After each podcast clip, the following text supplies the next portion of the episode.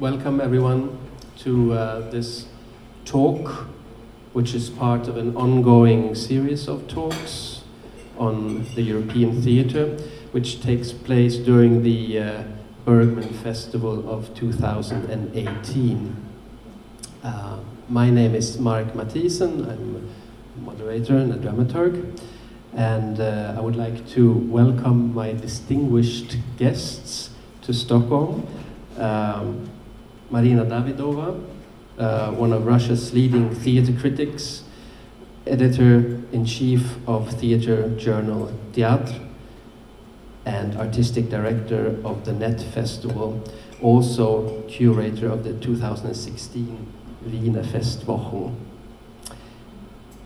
Slavko Milanovic, uh, writer, director, and artist, former artistic director of the National Theatre of Belgrade, and Iphigenia Taxopoulou, General Secretary of Theatre Network Mitos 21. Welcome.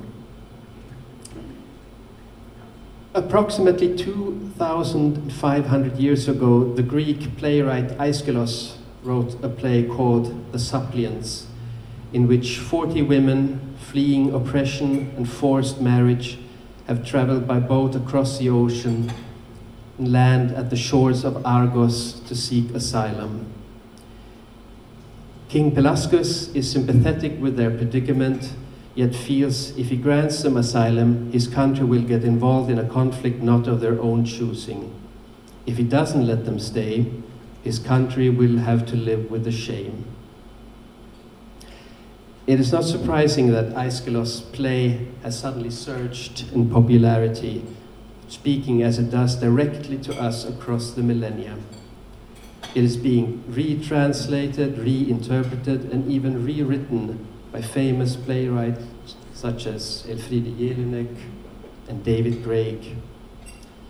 The dilemma which the play sets up is a dilemma which preoccupies every European country, some directly, some indirectly, becoming the object of bitter political divide and triggering questions about identity, heritage, belonging. A play which was written so long ago and still speaks so directly to us today begs the question if what we are going through now is merely one of countless shifts in human history, migration, movement of populations. The migra mi migration crisis of 2015 has tested our facilities for human kindness and compassion, but also shown that deeply rooted fears and anxieties about the dissolution of national borders can morph into xenophobia.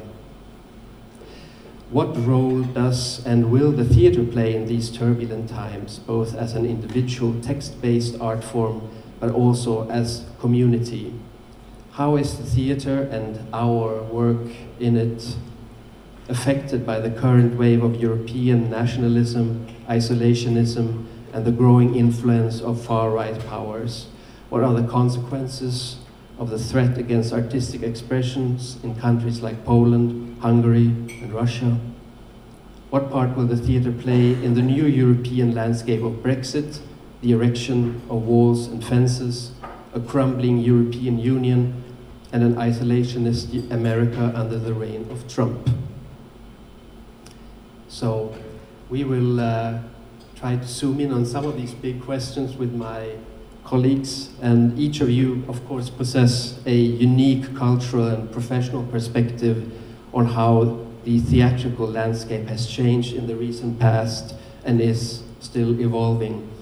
So I would like to start by asking each of you to give your personal opinion on how theater has been affected and transformed in the wake of the migration crisis in 2015 and the renewed surge of right-wing nationalism across Europe. Shall we start with you, Iphigenia? Thank you, Mark, and thank you all for being here. It's uh, uh, a day of sacrifice for you, I'm sure. If you're not outside enjoying the lovely sunshine and you're here listening to us, so thank you so much for your um, kindness and your presence. Um, I don't know if you're starting with me, Mark, because uh, obviously, as we all know, Greece is one of the countries affected most uh, by what we call the refugee crisis. And uh, certainly uh, that has affected not only the country itself, its policies, and its uh, financial situation, but it has also had its repercussions in terms of content when it comes to theatre. But um, um, drawing on what you said about Aeschylus, uh, let me just add that um, some statistics which will perhaps help us put the whole matter into perspective. Um, according to the United Nations, uh, only 2017 worldwide, there were about 65 million people that have been misplaced um, and which are characterized as refugees. This means because of violence, conflict, um, violation of human rights, uh, etc. Um, so this is this is something that is taking place all over the world. Only that we don't know uh, when uh, there are refugee crises between two African states, for example, and we very much all of us focused on the refugee crisis when it affects Europe. Uh, the second point that I wanted to make is that if this is a reality that uh, makes us uh, worried, then we should really brace up for the reality that is coming up because it is estimated that what we call climate refugees, so that means uh, refugees who will be um, forced to, be, to, to, to move across borders internationally because of uh, the effects of climate change are estimated to be between 200 million and 1 billion in the next 40 years. So this means that in the next two or three decades, Europe will not only be flooded by refugees, as it is now the case, who are fleeing conflicts and wars, but also uh, great and growing numbers of refugees who will be um, simply trying to survive uh, uh, because in their uh, areas, in their countries, the situation because of the climate uh, uh, catastrophes will be unbearable. So this is something that we will all have to learn to live with.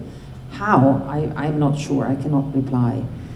Um, so theater, um, to answer your question briefly at this point, Mark, um, has um, reacted um, throughout the ages by integrating uh, this um, topic as content and transforming it, in the case of Aeschylus, uh, into plays. So that's, I would say, the, the more uh, straightforward traditional reply um, uh, by building content into uh, uh, plays. And, and I would say that um, the bridge from Aeschylus to today is perhaps the uh, homonymous play of Elfriede Jelinek that um, we're referring to, um, which is uh, uh, it's called uh, the title is um, as well, uh, and it's a, play of the last few years. Um, the other way theatre has been responding is by um, turning uh, the um, adding content to what uh, are the versions of political theatre today, and I would say mainly what we call documentary theatre, uh, um, whereby um, uh, artists research and uh, inform their works through um, live information coming from uh, refugee camps and other uh, incidents uh, associated with the refugee crisis, and to a large extent, um, putting the refugees themselves on the stage. So that's, um, I would say, the, the, the other end of writing plays about the refugees. So it's, it's, the theater is exploring the whole range of reality and, and uh, representation. So perhaps I should just make a halt here for the others to speak and we'll come back. We come back to yeah. that in a okay. minute, yeah. Slavko, uh, your perspective and how theatre has changed from your country uh, in the last couple of years since the migration crisis?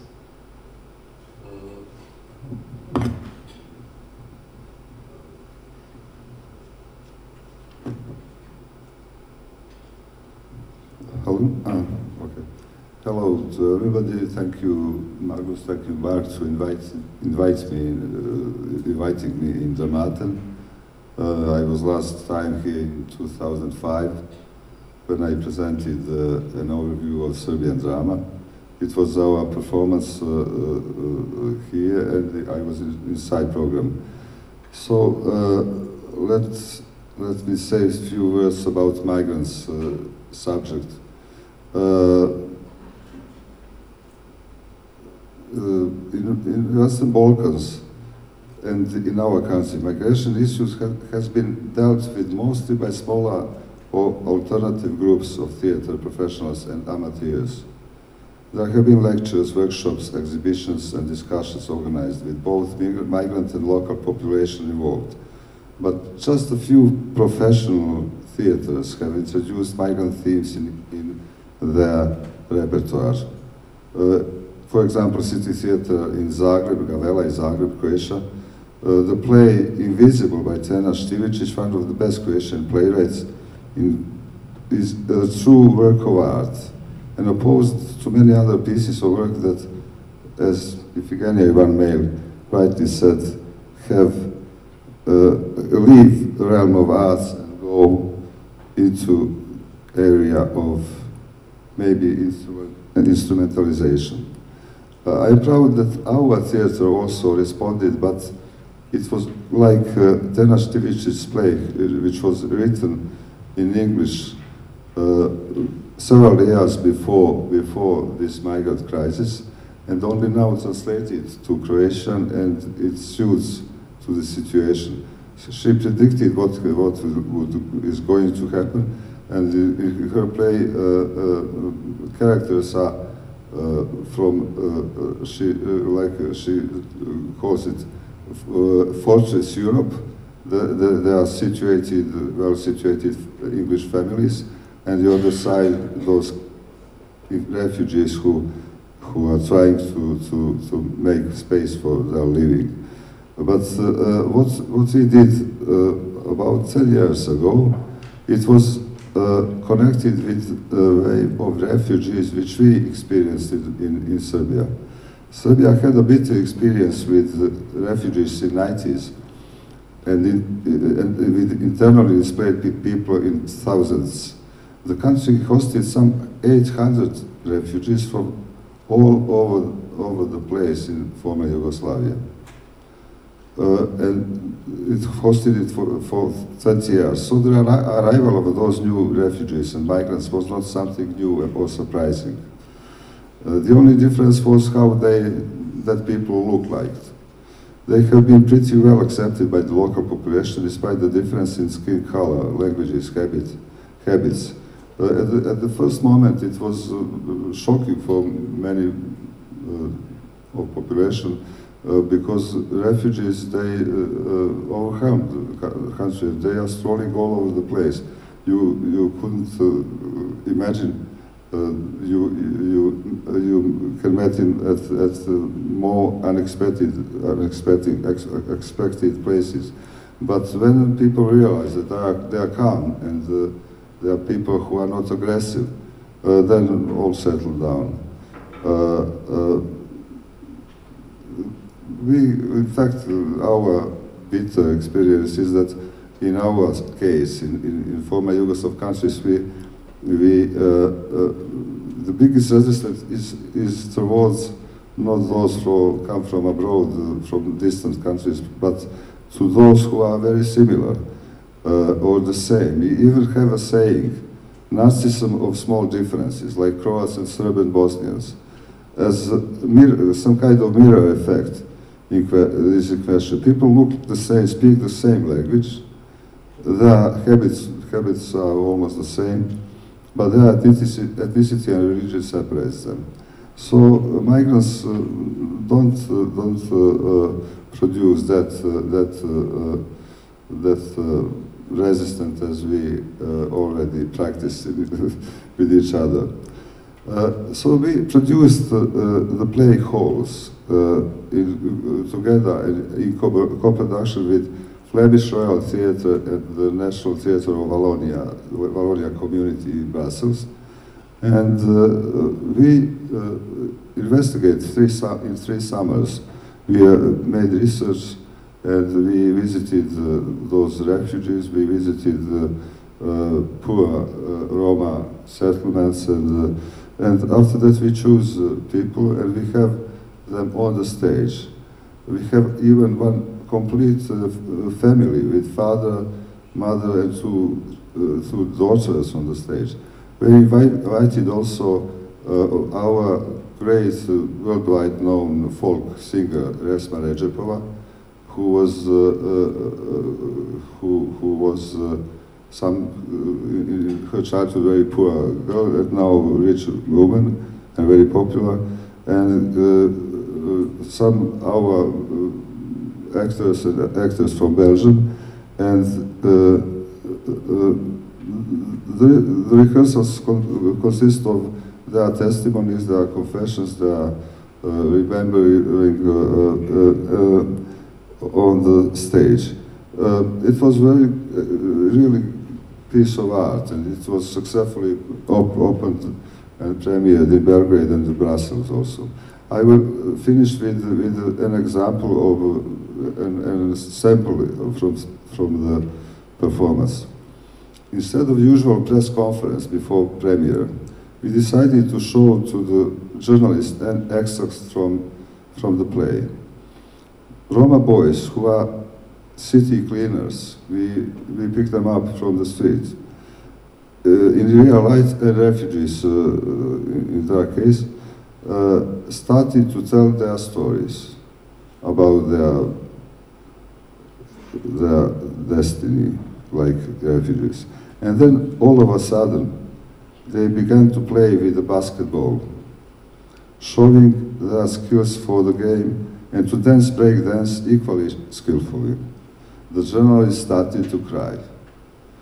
It happened what uh, probably is needed in all those attempts to, to include uh, migrants or uh, refugees in, in, in, our theater events. Uh, we expected of them to, to, to tell their so, uh, sad stories. And we uh, don't accept from one city cleaner who looks that poor on worth, worth uh, sorry, that he, he, he has other capabilities and even uh, that on that level, the skills. Uh, uh, and it was really shock, uh, very, very, very nice to see uh, people crying of they, they learned that there is something behind behind how people looks like. Thank you. Um, Marina, um, I, I read an interview with you just shortly, which was uh, a couple of years ago, where, where, you, where you talked about prior to the 2012 election that you, you saw some, you saw hope for the future. There were progressive ideas building up, and after the election, those progressive ideas yeah. kind of imploded. And I mean, as we're speaking now, uh, Vladimir Putin has just been re-elected uh, a month ago. Uh, is, is, is hope still building, or is it declining even more now? What's happening in what's what's the uh, so maybe first I, I, I, will tell a bit about your refugee crisis. Sure, yes, sure. I, I, was, yeah. because my, my, my speech uh, sure, absolutely, will, will, will, be absolutely short, yeah. because there's no such a thing as refugee crisis or refugee problem in, in Russia. You have to understand it, because to, to know, uh, because there are no refugees in, in, in uh, Russia, and I even cannot imagine that uh, refugees are welcomed in, in, in Russia. It's, uh, you know, uh, it's very interesting how our TV channels and TV very special Goebbels propaganda, which you can see on our TV. They, uh, how they describe all these European countries. They're awful, of course, awful countries where a lot of you know, there's no normal families. You cannot find here normal families. Only, you know, gay people which are roaming all the streets with with the children, and uh, a lot of drugs, a lot of um, awful things, and a lot of refugees. You know, our beautiful Russia is so beautiful because we ha- haven't got refugees in the streets. But go to, to, to France and you will see a lot of them there. It's, it's why they, they, they, they, all these countries are so awful. It's, it's a logic. It's a logic. And, um, but another thing is that we haven't, haven't got a lot of refugees, but we have a lot of. Um, uh, we haven't got refugees, but have a, have a lot of uh, migrant workers because you after um, um, collapse of Soviet Union, there were um, 15 new independent countries appeared uh, on, on, the map, and uh, um, a lot of people from these new independent countries, former uh, Soviet republics, they come to, to work in, in Russia, and, uh, and actually, who are them for, for Russians? they are practically slaves because they, uh, for, for many people, it's very profitable to, to, to take such a migrant worker because he is illegal.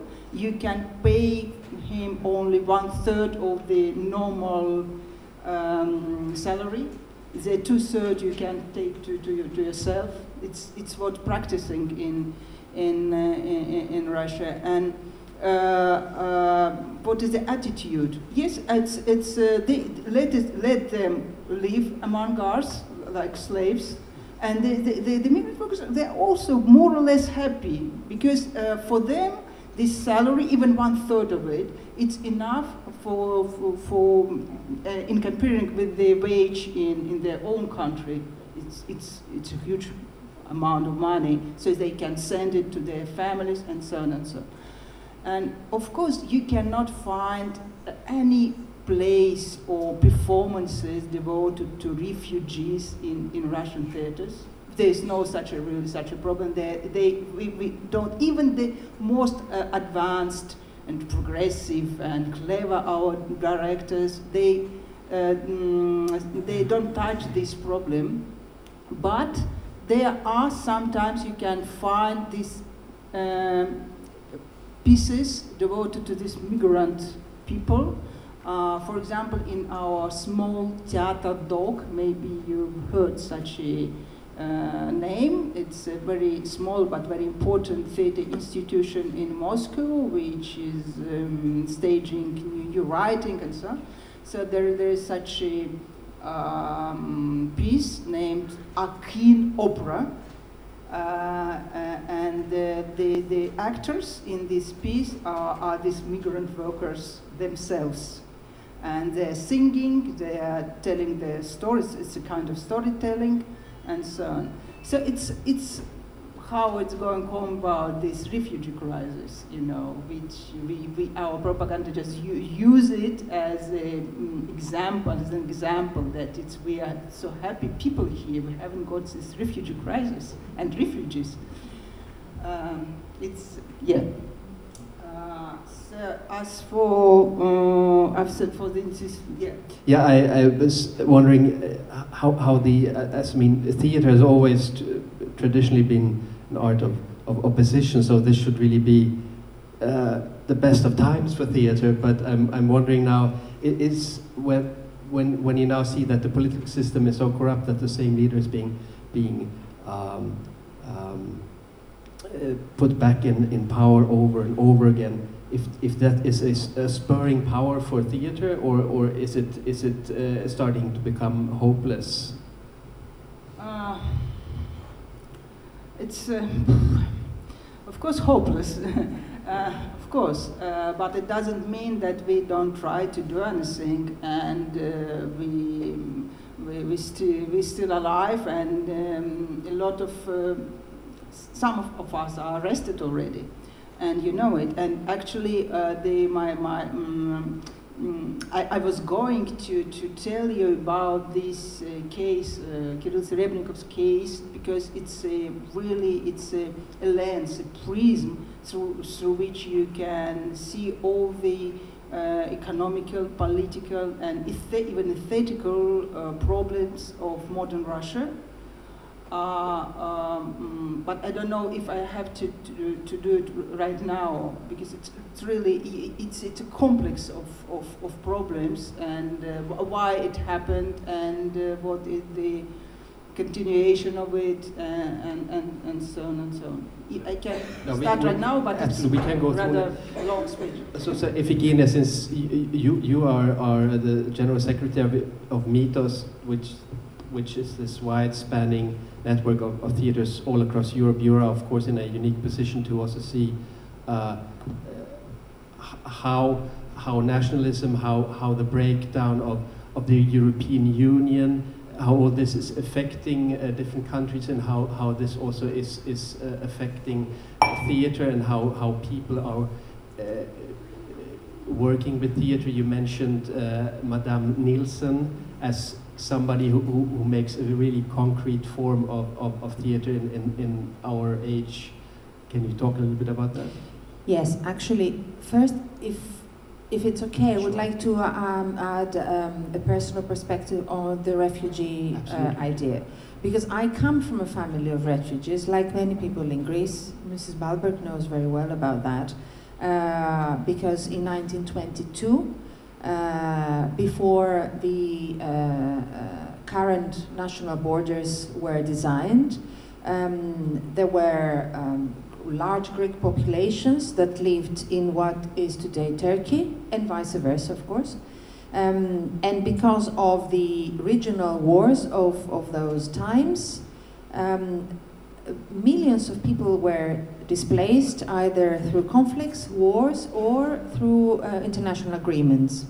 Uh, so in 1922, with the exchange of populations, which followed uh, uh, conflicts and war uh, and uh, lots of atrocities, um, people from Asia Minor, including my grandparents, were evacuated to mainland, what is today mainland Greece.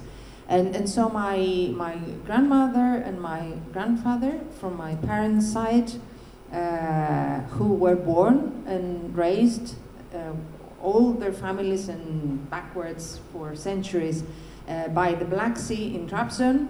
Uh, they arrived in Greece in 1922. My grandmother was at that time 12 years old. Um, so there are lots of stories about how that are stories that your grandma tells you by the fireplace, kind of thing, um, about um, how difficult it was for a 12 year old with uh, four small um, uh, siblings and uh, mother dying along the way. So you, the, these, these stories of hardship of the refugees were part of our childhood and we, I think that we all have a special um, sensibility in this respect, and that to a large degree explains why Greek people responded so warmly to the refugees uh, arriving in the country. Um, on the other hand, um, I wrote to you when we decided, uh, when you first invited us to, to, this um, meeting, um, that I was um, very much touched and interested by the story, which is old news for you guys, but um, I hadn't known about it, of the refugee uh, youngsters uh, um, in, in Sweden that fall into coma. Um, I was, and still am, every time I think about it, I cannot imagine how theater can ever represent anything when reality reaches this level of poetic brutality. For me, the idea of a, of a 10 year old kid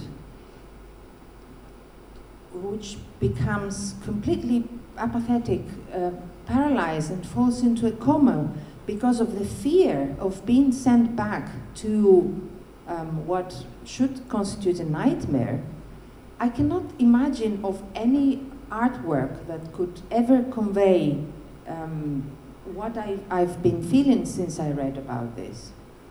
And I think this is really, for me, it's such a, a barbar- this, I, this thing is such a barbaric poetry that it, it constitutes for me the limits of representation. Um, so theater has to work in a different way. For me, that sets the limits to do we bring the refugees on stage to tell us their stories? Yes, but how? It's a big question. Very briefly, I read in an article about uh, production of uh, Jelinek's play, where he brought uh, up on stage real refugees to um, tell their stories. Um, I read an article which refers to um, uh, another book by uh, Brett States, and the quote is The illusion has introduced something into itself to demonstrate its tolerance of things. It is not the world that has invaded the illusion, i.e., the theater. The illusion has stolen something from the world in order to display its own power. So it's, for me, it's, it's very dangerous to um, borrow from the real atrocities and the real power of emotion that the world is offering uh, and transform it into art or any art because then we are risking the danger of a diminishing the importance of the event itself and second we are really washing away our guilt sometimes a little bit too easy by uh, making art. Having said that, of course, the, the fact that theater has brought this issue into the forefront is at the same time of um, indisputable value. Slavko, um, I was curious about you have been uh, the chef dramaturg at the National Theatre of Belgrade, and um, uh, since um,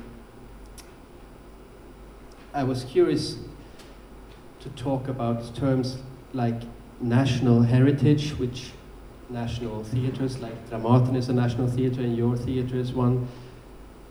Uh, national heritage on the one hand and nationalism on the other, which of course has been interpreted broadly over the years. And I would be interesting how that was talked about at your theatre, especially maybe during the Yugoslav wars in the 90s. Can you talk a little bit about that?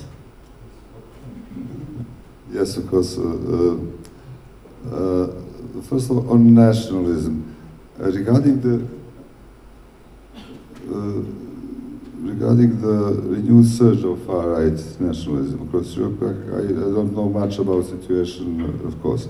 But uh, unfortunately, I, per, I have personal experience in what's happening in our region. In our case, nationalism is not just threat for the future, it is matter of the recent past. We in Balkans experienced huge wave of nationalism in the 90s, which as you know re resulted in bloody war.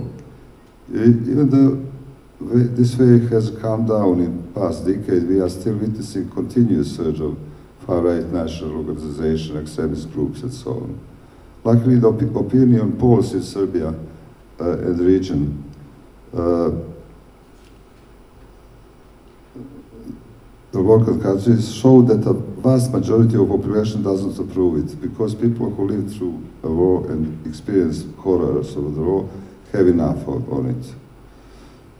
Uh, I can tell you something about the paradox uh, of uh, awakening of nationalism in late 80s and beginning of 90s.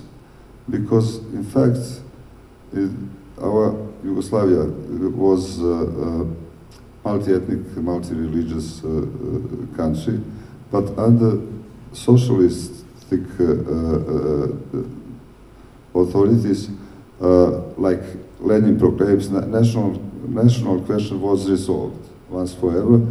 Uh, the main question is a question of classes. Of, so, of classes. of classes. So we are forbidden to of, uh, of, of uh, even mention national question. Even if you uh, if you uh, sing if you sang uh, a national old national song, which has no nothing with nationalism, openly in in, in uh, cafe, you could be arrested and, and stay in prison for for a few months. So when the first election were, took place in, in uh, uh, nine, uh, 1909, uh, we, like cultural people, people from culture, intellectuals and others, we all uh, declared as uh, supporters of, uh, of union, of reform, uh, reform uh, reform, uh, reform party, which was led by, by a federal prime minister. But when uh, uh, uh, uh, the elections were finished, uh, we found out that only two percentage, uh, that party only two percentages. And ev- everybody, everybody wondered who are those who voted for the national parties because nobody of us know, knew anybody, but only two percentages. And you know what happened later. Uh, so we had, uh, uh, during 90s, we had a lot of plays uh, who are, which are almost, uh, uh, was written uh, on, on the daily, da- daily basis, on uh, like reports from, from first, uh, uh, from the front. Uh, in every play, uh, it was, it, it, uh, we had the soldier uh, who, who came directly from, from the front line on the, consequences of, of war and so on. And especially uh, for our great uh, big subject was consequences of sanctions, which isolate Serbia from. In, in it was uh, somebody said that there, there are the strongest uh, sanctions imposed on any country till now.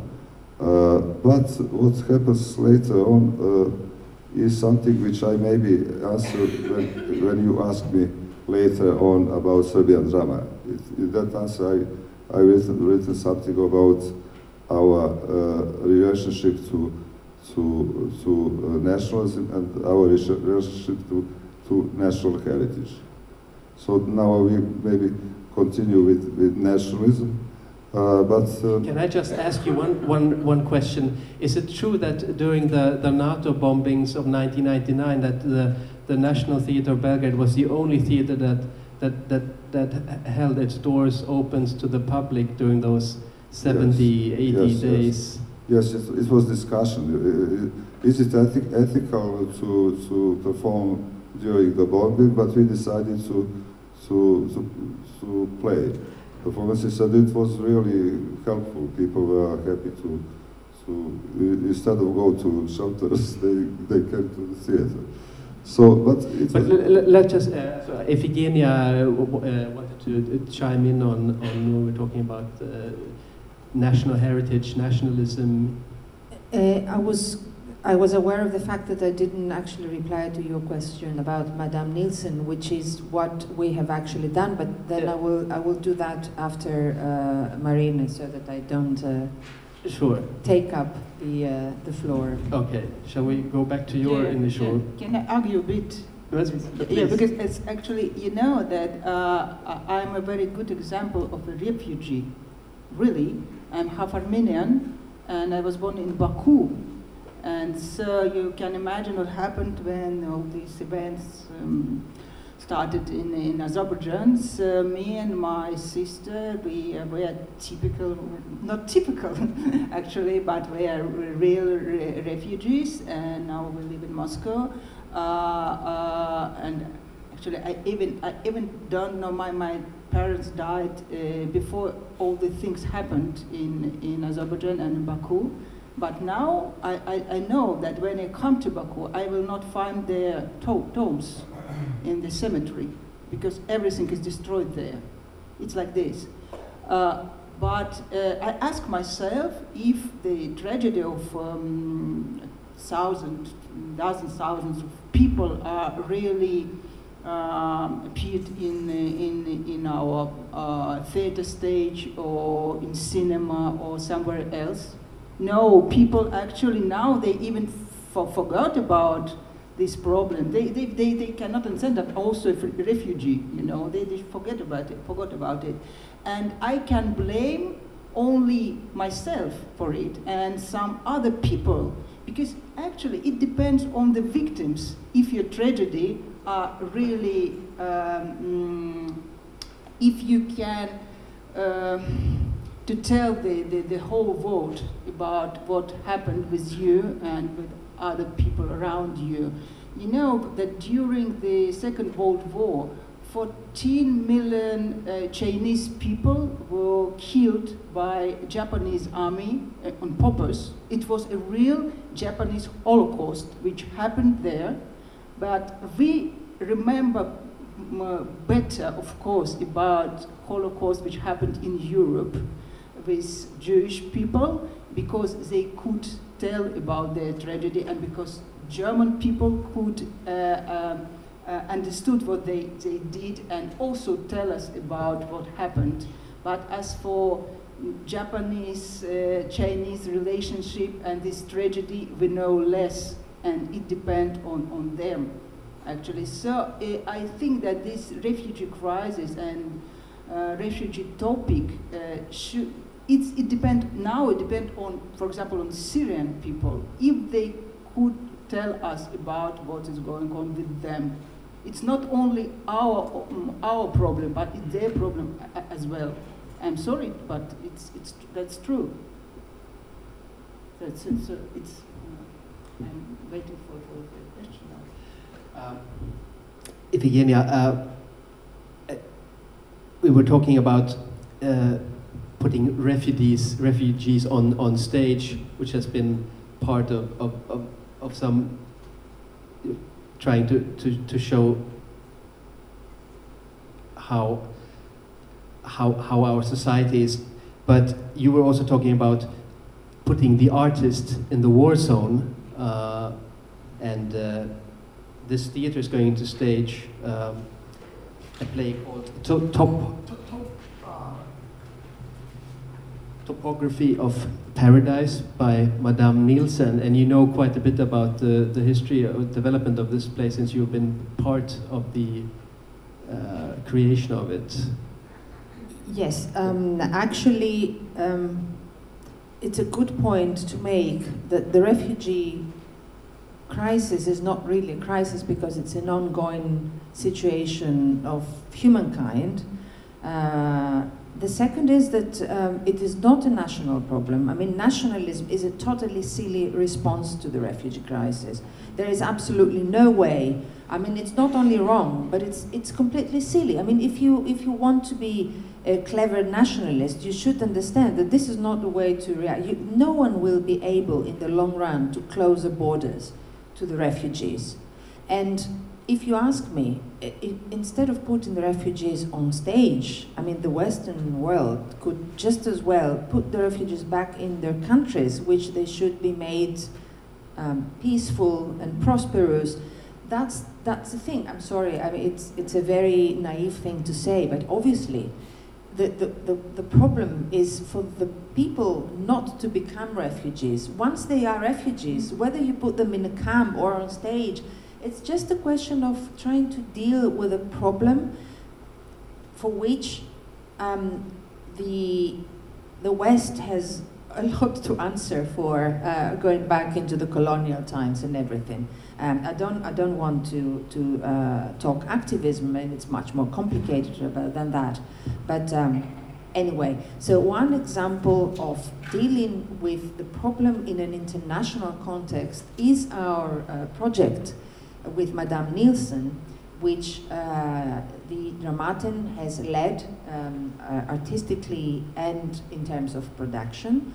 Uh, Madame Nielsen, for those who do not know her, is a very, very important, very interesting Danish artist who has worked over the last 20, over 20 years on the border of activism and performance by introducing um, something quite unique uh, as, as he or she, because there is always, always a new persona under which uh, he or she um, uh, work in the course of the years. It's an artist that goes to the conflict zones, but not as, as a researcher, it, into the conflict zones as a participant. Uh, so this has been part of um, Madame Nielsen's projects in the past in Afghanistan, Ukraine, many other places, always war zones, conflict zones. And what we initiated two years ago was and started with Madame Nielsen's idea to create a project called Topographies of Paradise. The idea is that all those people fleeing from some place, they are actually fleeing a place which once has been their paradise.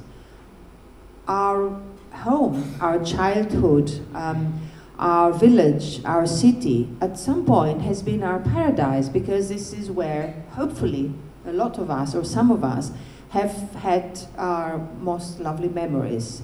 And then for some people, this land of paradise turns into nightmare because something happens and they have to flee.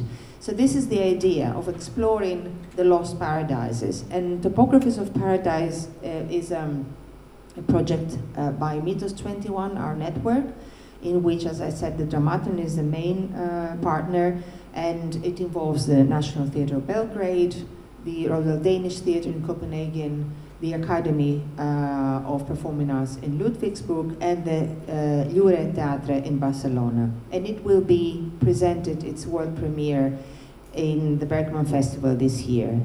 So, what uh, Madame Nielsen did is that um, she landed in Thessaloniki in Greece one day when the uh, Idomeni, uh, the, the refugee crisis, was at its beginning and its peak because there were thousands of people trapped at, at the Greek, Greek, border at the Idomeni um, uh, makeshift camp at a time when neither our government nor any international organizations were at all involved in this. So they were completely abandoned there alone. And um, so Madame Nielsen arrived, um, and, and I put her in contact with a friend who was coordinating all the citizens' initiatives to cook and, and, and help the uh, transport food to the border and help the refugees. And so Madame Nielsen went with them. Um, she spent uh, a few days in the camp together with the refugees. And then the decision was, and she carried it through, to follow the refugees uh, through the routes through Europe from Idomeni, Greece to uh, Denmark. And that was the accomplishment eventually. Uh, so she crossed the border, uh, smuggled her way through the border with other refugees, um, then found contacts along the way, walked through uh, Serbia to Bosnia to Austria, and then the rest of Europe, together with refugees that were doing the same course. And, um, and that became the um, uh, content of a book that Madame Nielsen wrote, and it has informed the project. However, the project is based on text that Madame Nielsen has written for each of the individual artistic teams in the different places in Europe. But it goes to demonstrate that it's a problem that we're all responsible for and that we will all, one in one way or another, be affected by in the end. Do you think that, um, I'm asking all of you, that this in the future will be more common, this, this kind of approach to, to, to writing plays, rather than having one sole author writing a play which will be performed? Uh, what do you think how, how, will, how will playwriting evolve in the future? I think there's, there cannot be only one way in, in contemporary theater for doing something.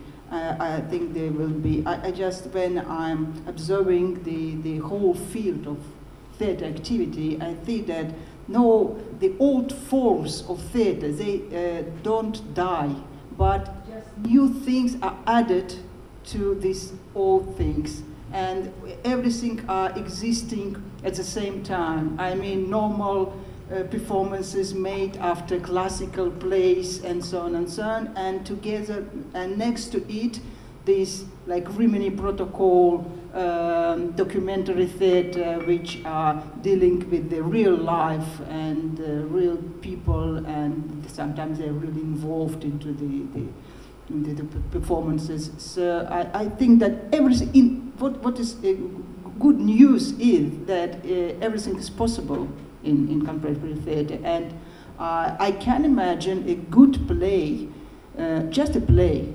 uh, like fiction, devoted to such a problem. Why not? But maybe the first reaction, the first, uh, to, and it's normal and a good reaction, just to go there, to be part of this, uh, of this, this tragedy, and to, to feel it uh, yourself. You know, yes, it's maybe it's the, the, the first thing which appear, but but we don't. I cannot predict what will uh, happen next. Your, but your idea my idea mm-hmm. uh, how to do it. Yeah. Okay, I'm doing another performance at the moment, so I am, I am absolutely obsessed by, by another thing. Um, uh, yes, I, I, I, liked very much the idea of Lost Paradise. It's such, I, I think that we cannot do uh, some, something, it's not interesting for me to make just pure documentary theater. When you try to compare the, the reality with the, the archetypes or from, the, from the past, when you can see the matrix of, of everything in, in this. So it, it's the way, you know, maybe to, to rhyme the, this um, situation with some other situations in, I, I would say that if I deal with such a topic as refugee, I will um, uh, put there uh, something about my own experience. You know, I have my own experience, so maybe I would combine somehow the, my own story with other stories, and then I will see what will uh, happen on the stage with it. It I had such an, an, idea to, to, to, to do something after my, my own, own story yeah. as a refugee. So maybe it's, it's a way, I don't know. Maybe we should just take some. Uh, I've seen there were some uh, reactions from the audience. Uh, we bring in some some uh, a few questions, please. Well, maybe maybe I should say first that I'm also from the refugee family. Thank you. So my name is Anne Margaret Melberg. My father is Swedish. My mother from Alexandria, Egypt refugee from Egypt, 1956, when Greeks and other European nationals were thrown out of Egypt because of the Nasser revolution. However, my question as a philolog is more of a language question. I wonder, you said about refugees in Russia coming from former Soviet Union, and the question is, does these refugees understand the Russian language. They have their own languages, but have they been uh, educated with the Russian language so that they can work with this one third of the salary you said and uh, understand what people are saying? This is very important because the refugees in Greece, so I have lived in Greece from 1960, I'm half Greek, Alexandrian, and Swedish, as I said. Um, the refugees there, they have several different languages. And how do you make a performance for these people, or how do you educate the host, the citizens of the country, uh, to understand these different cultural backgrounds and all that? I mean, language is such a problem. So first, the question to you, if yes, they speak Russian, uh, and then maybe to you, how you cope and you deal with the different refugee languages? Uh, it's, it's a very good question actually because it's, um, um, it's very interesting that uh, uh, my, uh, my, par- uh, my father was Armenian, my mother was Russian. We lived in Azerbaijan, in the capital of Azerbaijan, but all of us were Russian speaking persons.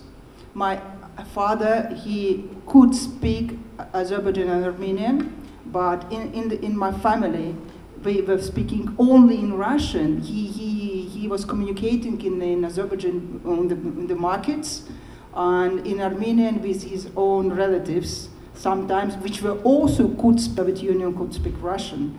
As for me, I don't know Azerbaijan or Armenian. I, I, my, I'm Russian speaking person. I always wrote, read, um, and do everything in Russian and of course, and then when I entered uh, university in Moscow, it was my, my mother tongue, my mother tongue.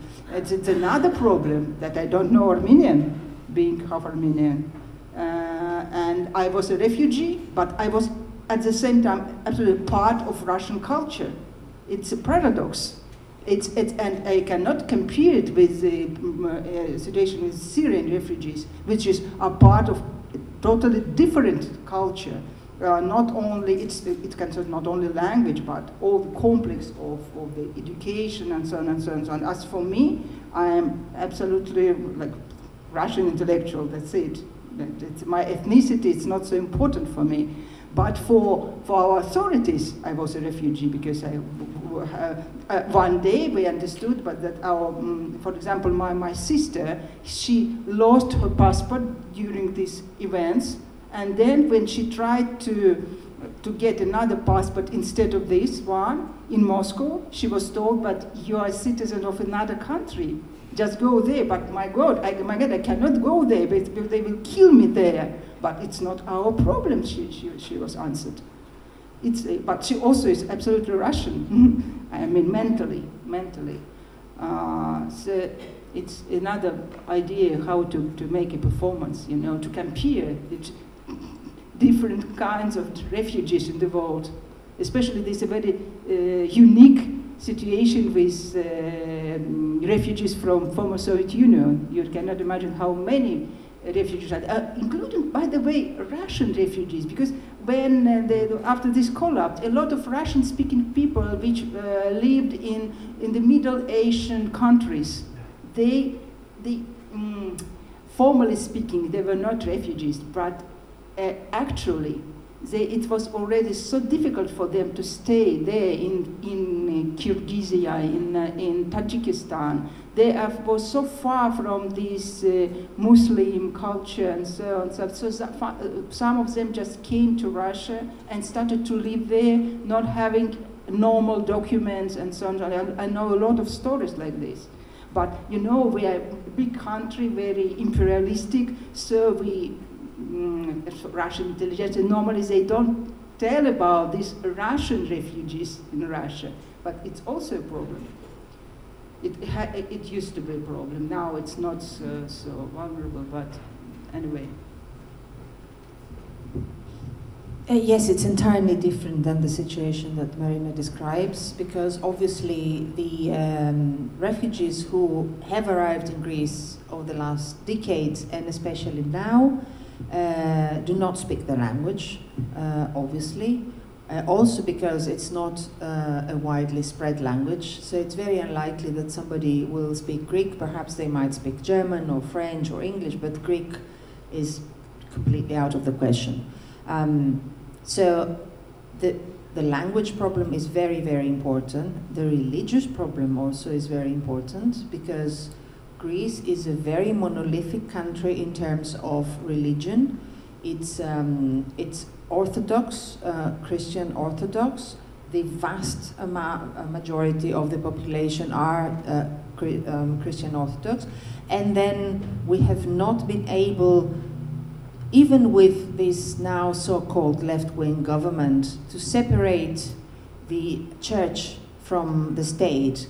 So the presence of the religion is very important in Greek society, so other religions create a sense of um, um, distance. The second uh, problem is that refugees who come to Greece um, do not want to stay in Greece. It's only in the previous years that they would come to really stay and work in Greece. And hence, the second generations, the children of those uh, refugees of 20, 30 years ago, are fully integrated in Greek because they speak Greek, they are um, totally at ease with their uh, peers and they excel at school, so they excel at sports. So there, there seems to be less of a problem there. But now, all those who have arrived in the country in the last few years, they all want to leave the country. I mean, I don't blame them. We want to leave the country. Um, um, so, uh, so basically, what has happened is that they are trapped in Greece. Um, they don't have access to any uh, program of um, integration because that's not what they want and they are actually trapped in the most shameful of all situations, which is not uh, uh, evident in the rest of Europe, unfortunately, that they are uh, trapped in camps without any provision for them to live in any uh, decent uh, situation and without any uh, processes that would eventually allow them to leave and go to the countries where they want to be reunited with families. So what the problem is now in Greece with the refugee crisis is secret and silent, but it's much worse than it was two or three years ago when the crisis was uh, making front pages, and you know that, Ms. Melberg. Yes, um, time is really running out, goes so fast. Um, if we have one more question from the audience do that as a last thing, then. No, it's okay. I can scream a little bit. No, no, no, it's fine because we're recorded, so yeah. Um, right. Okay, I, I, was trying to formulate the question well in my mind, but I will just improvise a little bit. Um, so you talked about Madame Nielsen, right? And well, yeah, um, a little bit influenced from my political science background. I'm wondering why would I, as audience, be interested in seeing the point of view of a Danish person when it comes to refugees? And it's not the same thing to have experience like, I don't know, a week, a month, or a part of their journey, and then trying to put that in scene. You know, it's, it's a different thing to actually be a refugee, leave from your country. Why don't we give those people the space. They need to express themselves. And it might be also the point that they don't want to be depicted as victims. If you if somebody gives them some space, some artistic space, they might find new creative ways of reestablishing their own artistic needs instead of having them on a scene and saying these are refugees and that's what it is, sort of. You see what I'm saying a little bit? Hmm? Perhaps also Magnus would want to comment on that, but um, I, I made uh, a distinction between um, documentary theater and uh, this project is completely a work of art. It is uh, inspired by the problem but um, I don't think that it, it really wanted to use documentary and research material in such a raw way as you suggest. This is possible, obviously, and it is done a lot. Um, I think that I brought it up as an example of doing, um, uh, referring to the, to the problem in a different, in a more um, indirect way through art. Um, secondly, there are five different artistic teams from uh, different theaters in Europe who are bringing in their own perspective into the point. And Madame Nielsen is coordinating this and producing the text that uh, will be used. And finally, Madame Nielsen is the less uh, Danish or any national artist you can imagine. Um, she's really such a, a, cosmopolitan and international free spirit that I think that uh, if, if, if, one would be looking for something Danish, uh, Madame Nielsen is not, um, is not really representing at all national identity. So there, I don't think that that she was she would bring in the perspective of a Danish person rather than the perspective of a citizen of the world, which I think she is. Magnus, sorry, would you, followed much more closely than I did the artistic process. Would you like to add something to this? Yes, in, in the I, am dramaturg at the theatre, and in the end of August, uh, Topographies of Paradise will be having its premiere at the Bergman Festival, and it's the project is, is just uh, now in, in progress.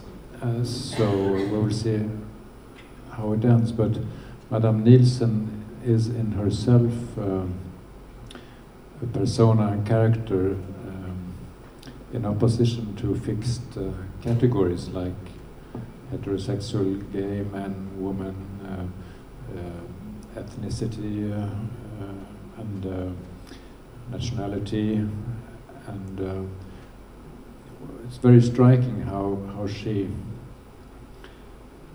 has uh, transgressed borders in, in Europe uh, just by not being so easy to categorize. She, she, she comes uh, in a dress uh, and you don't know if uh, what, what is she. And the, the guards at the borders, they become very hesitant.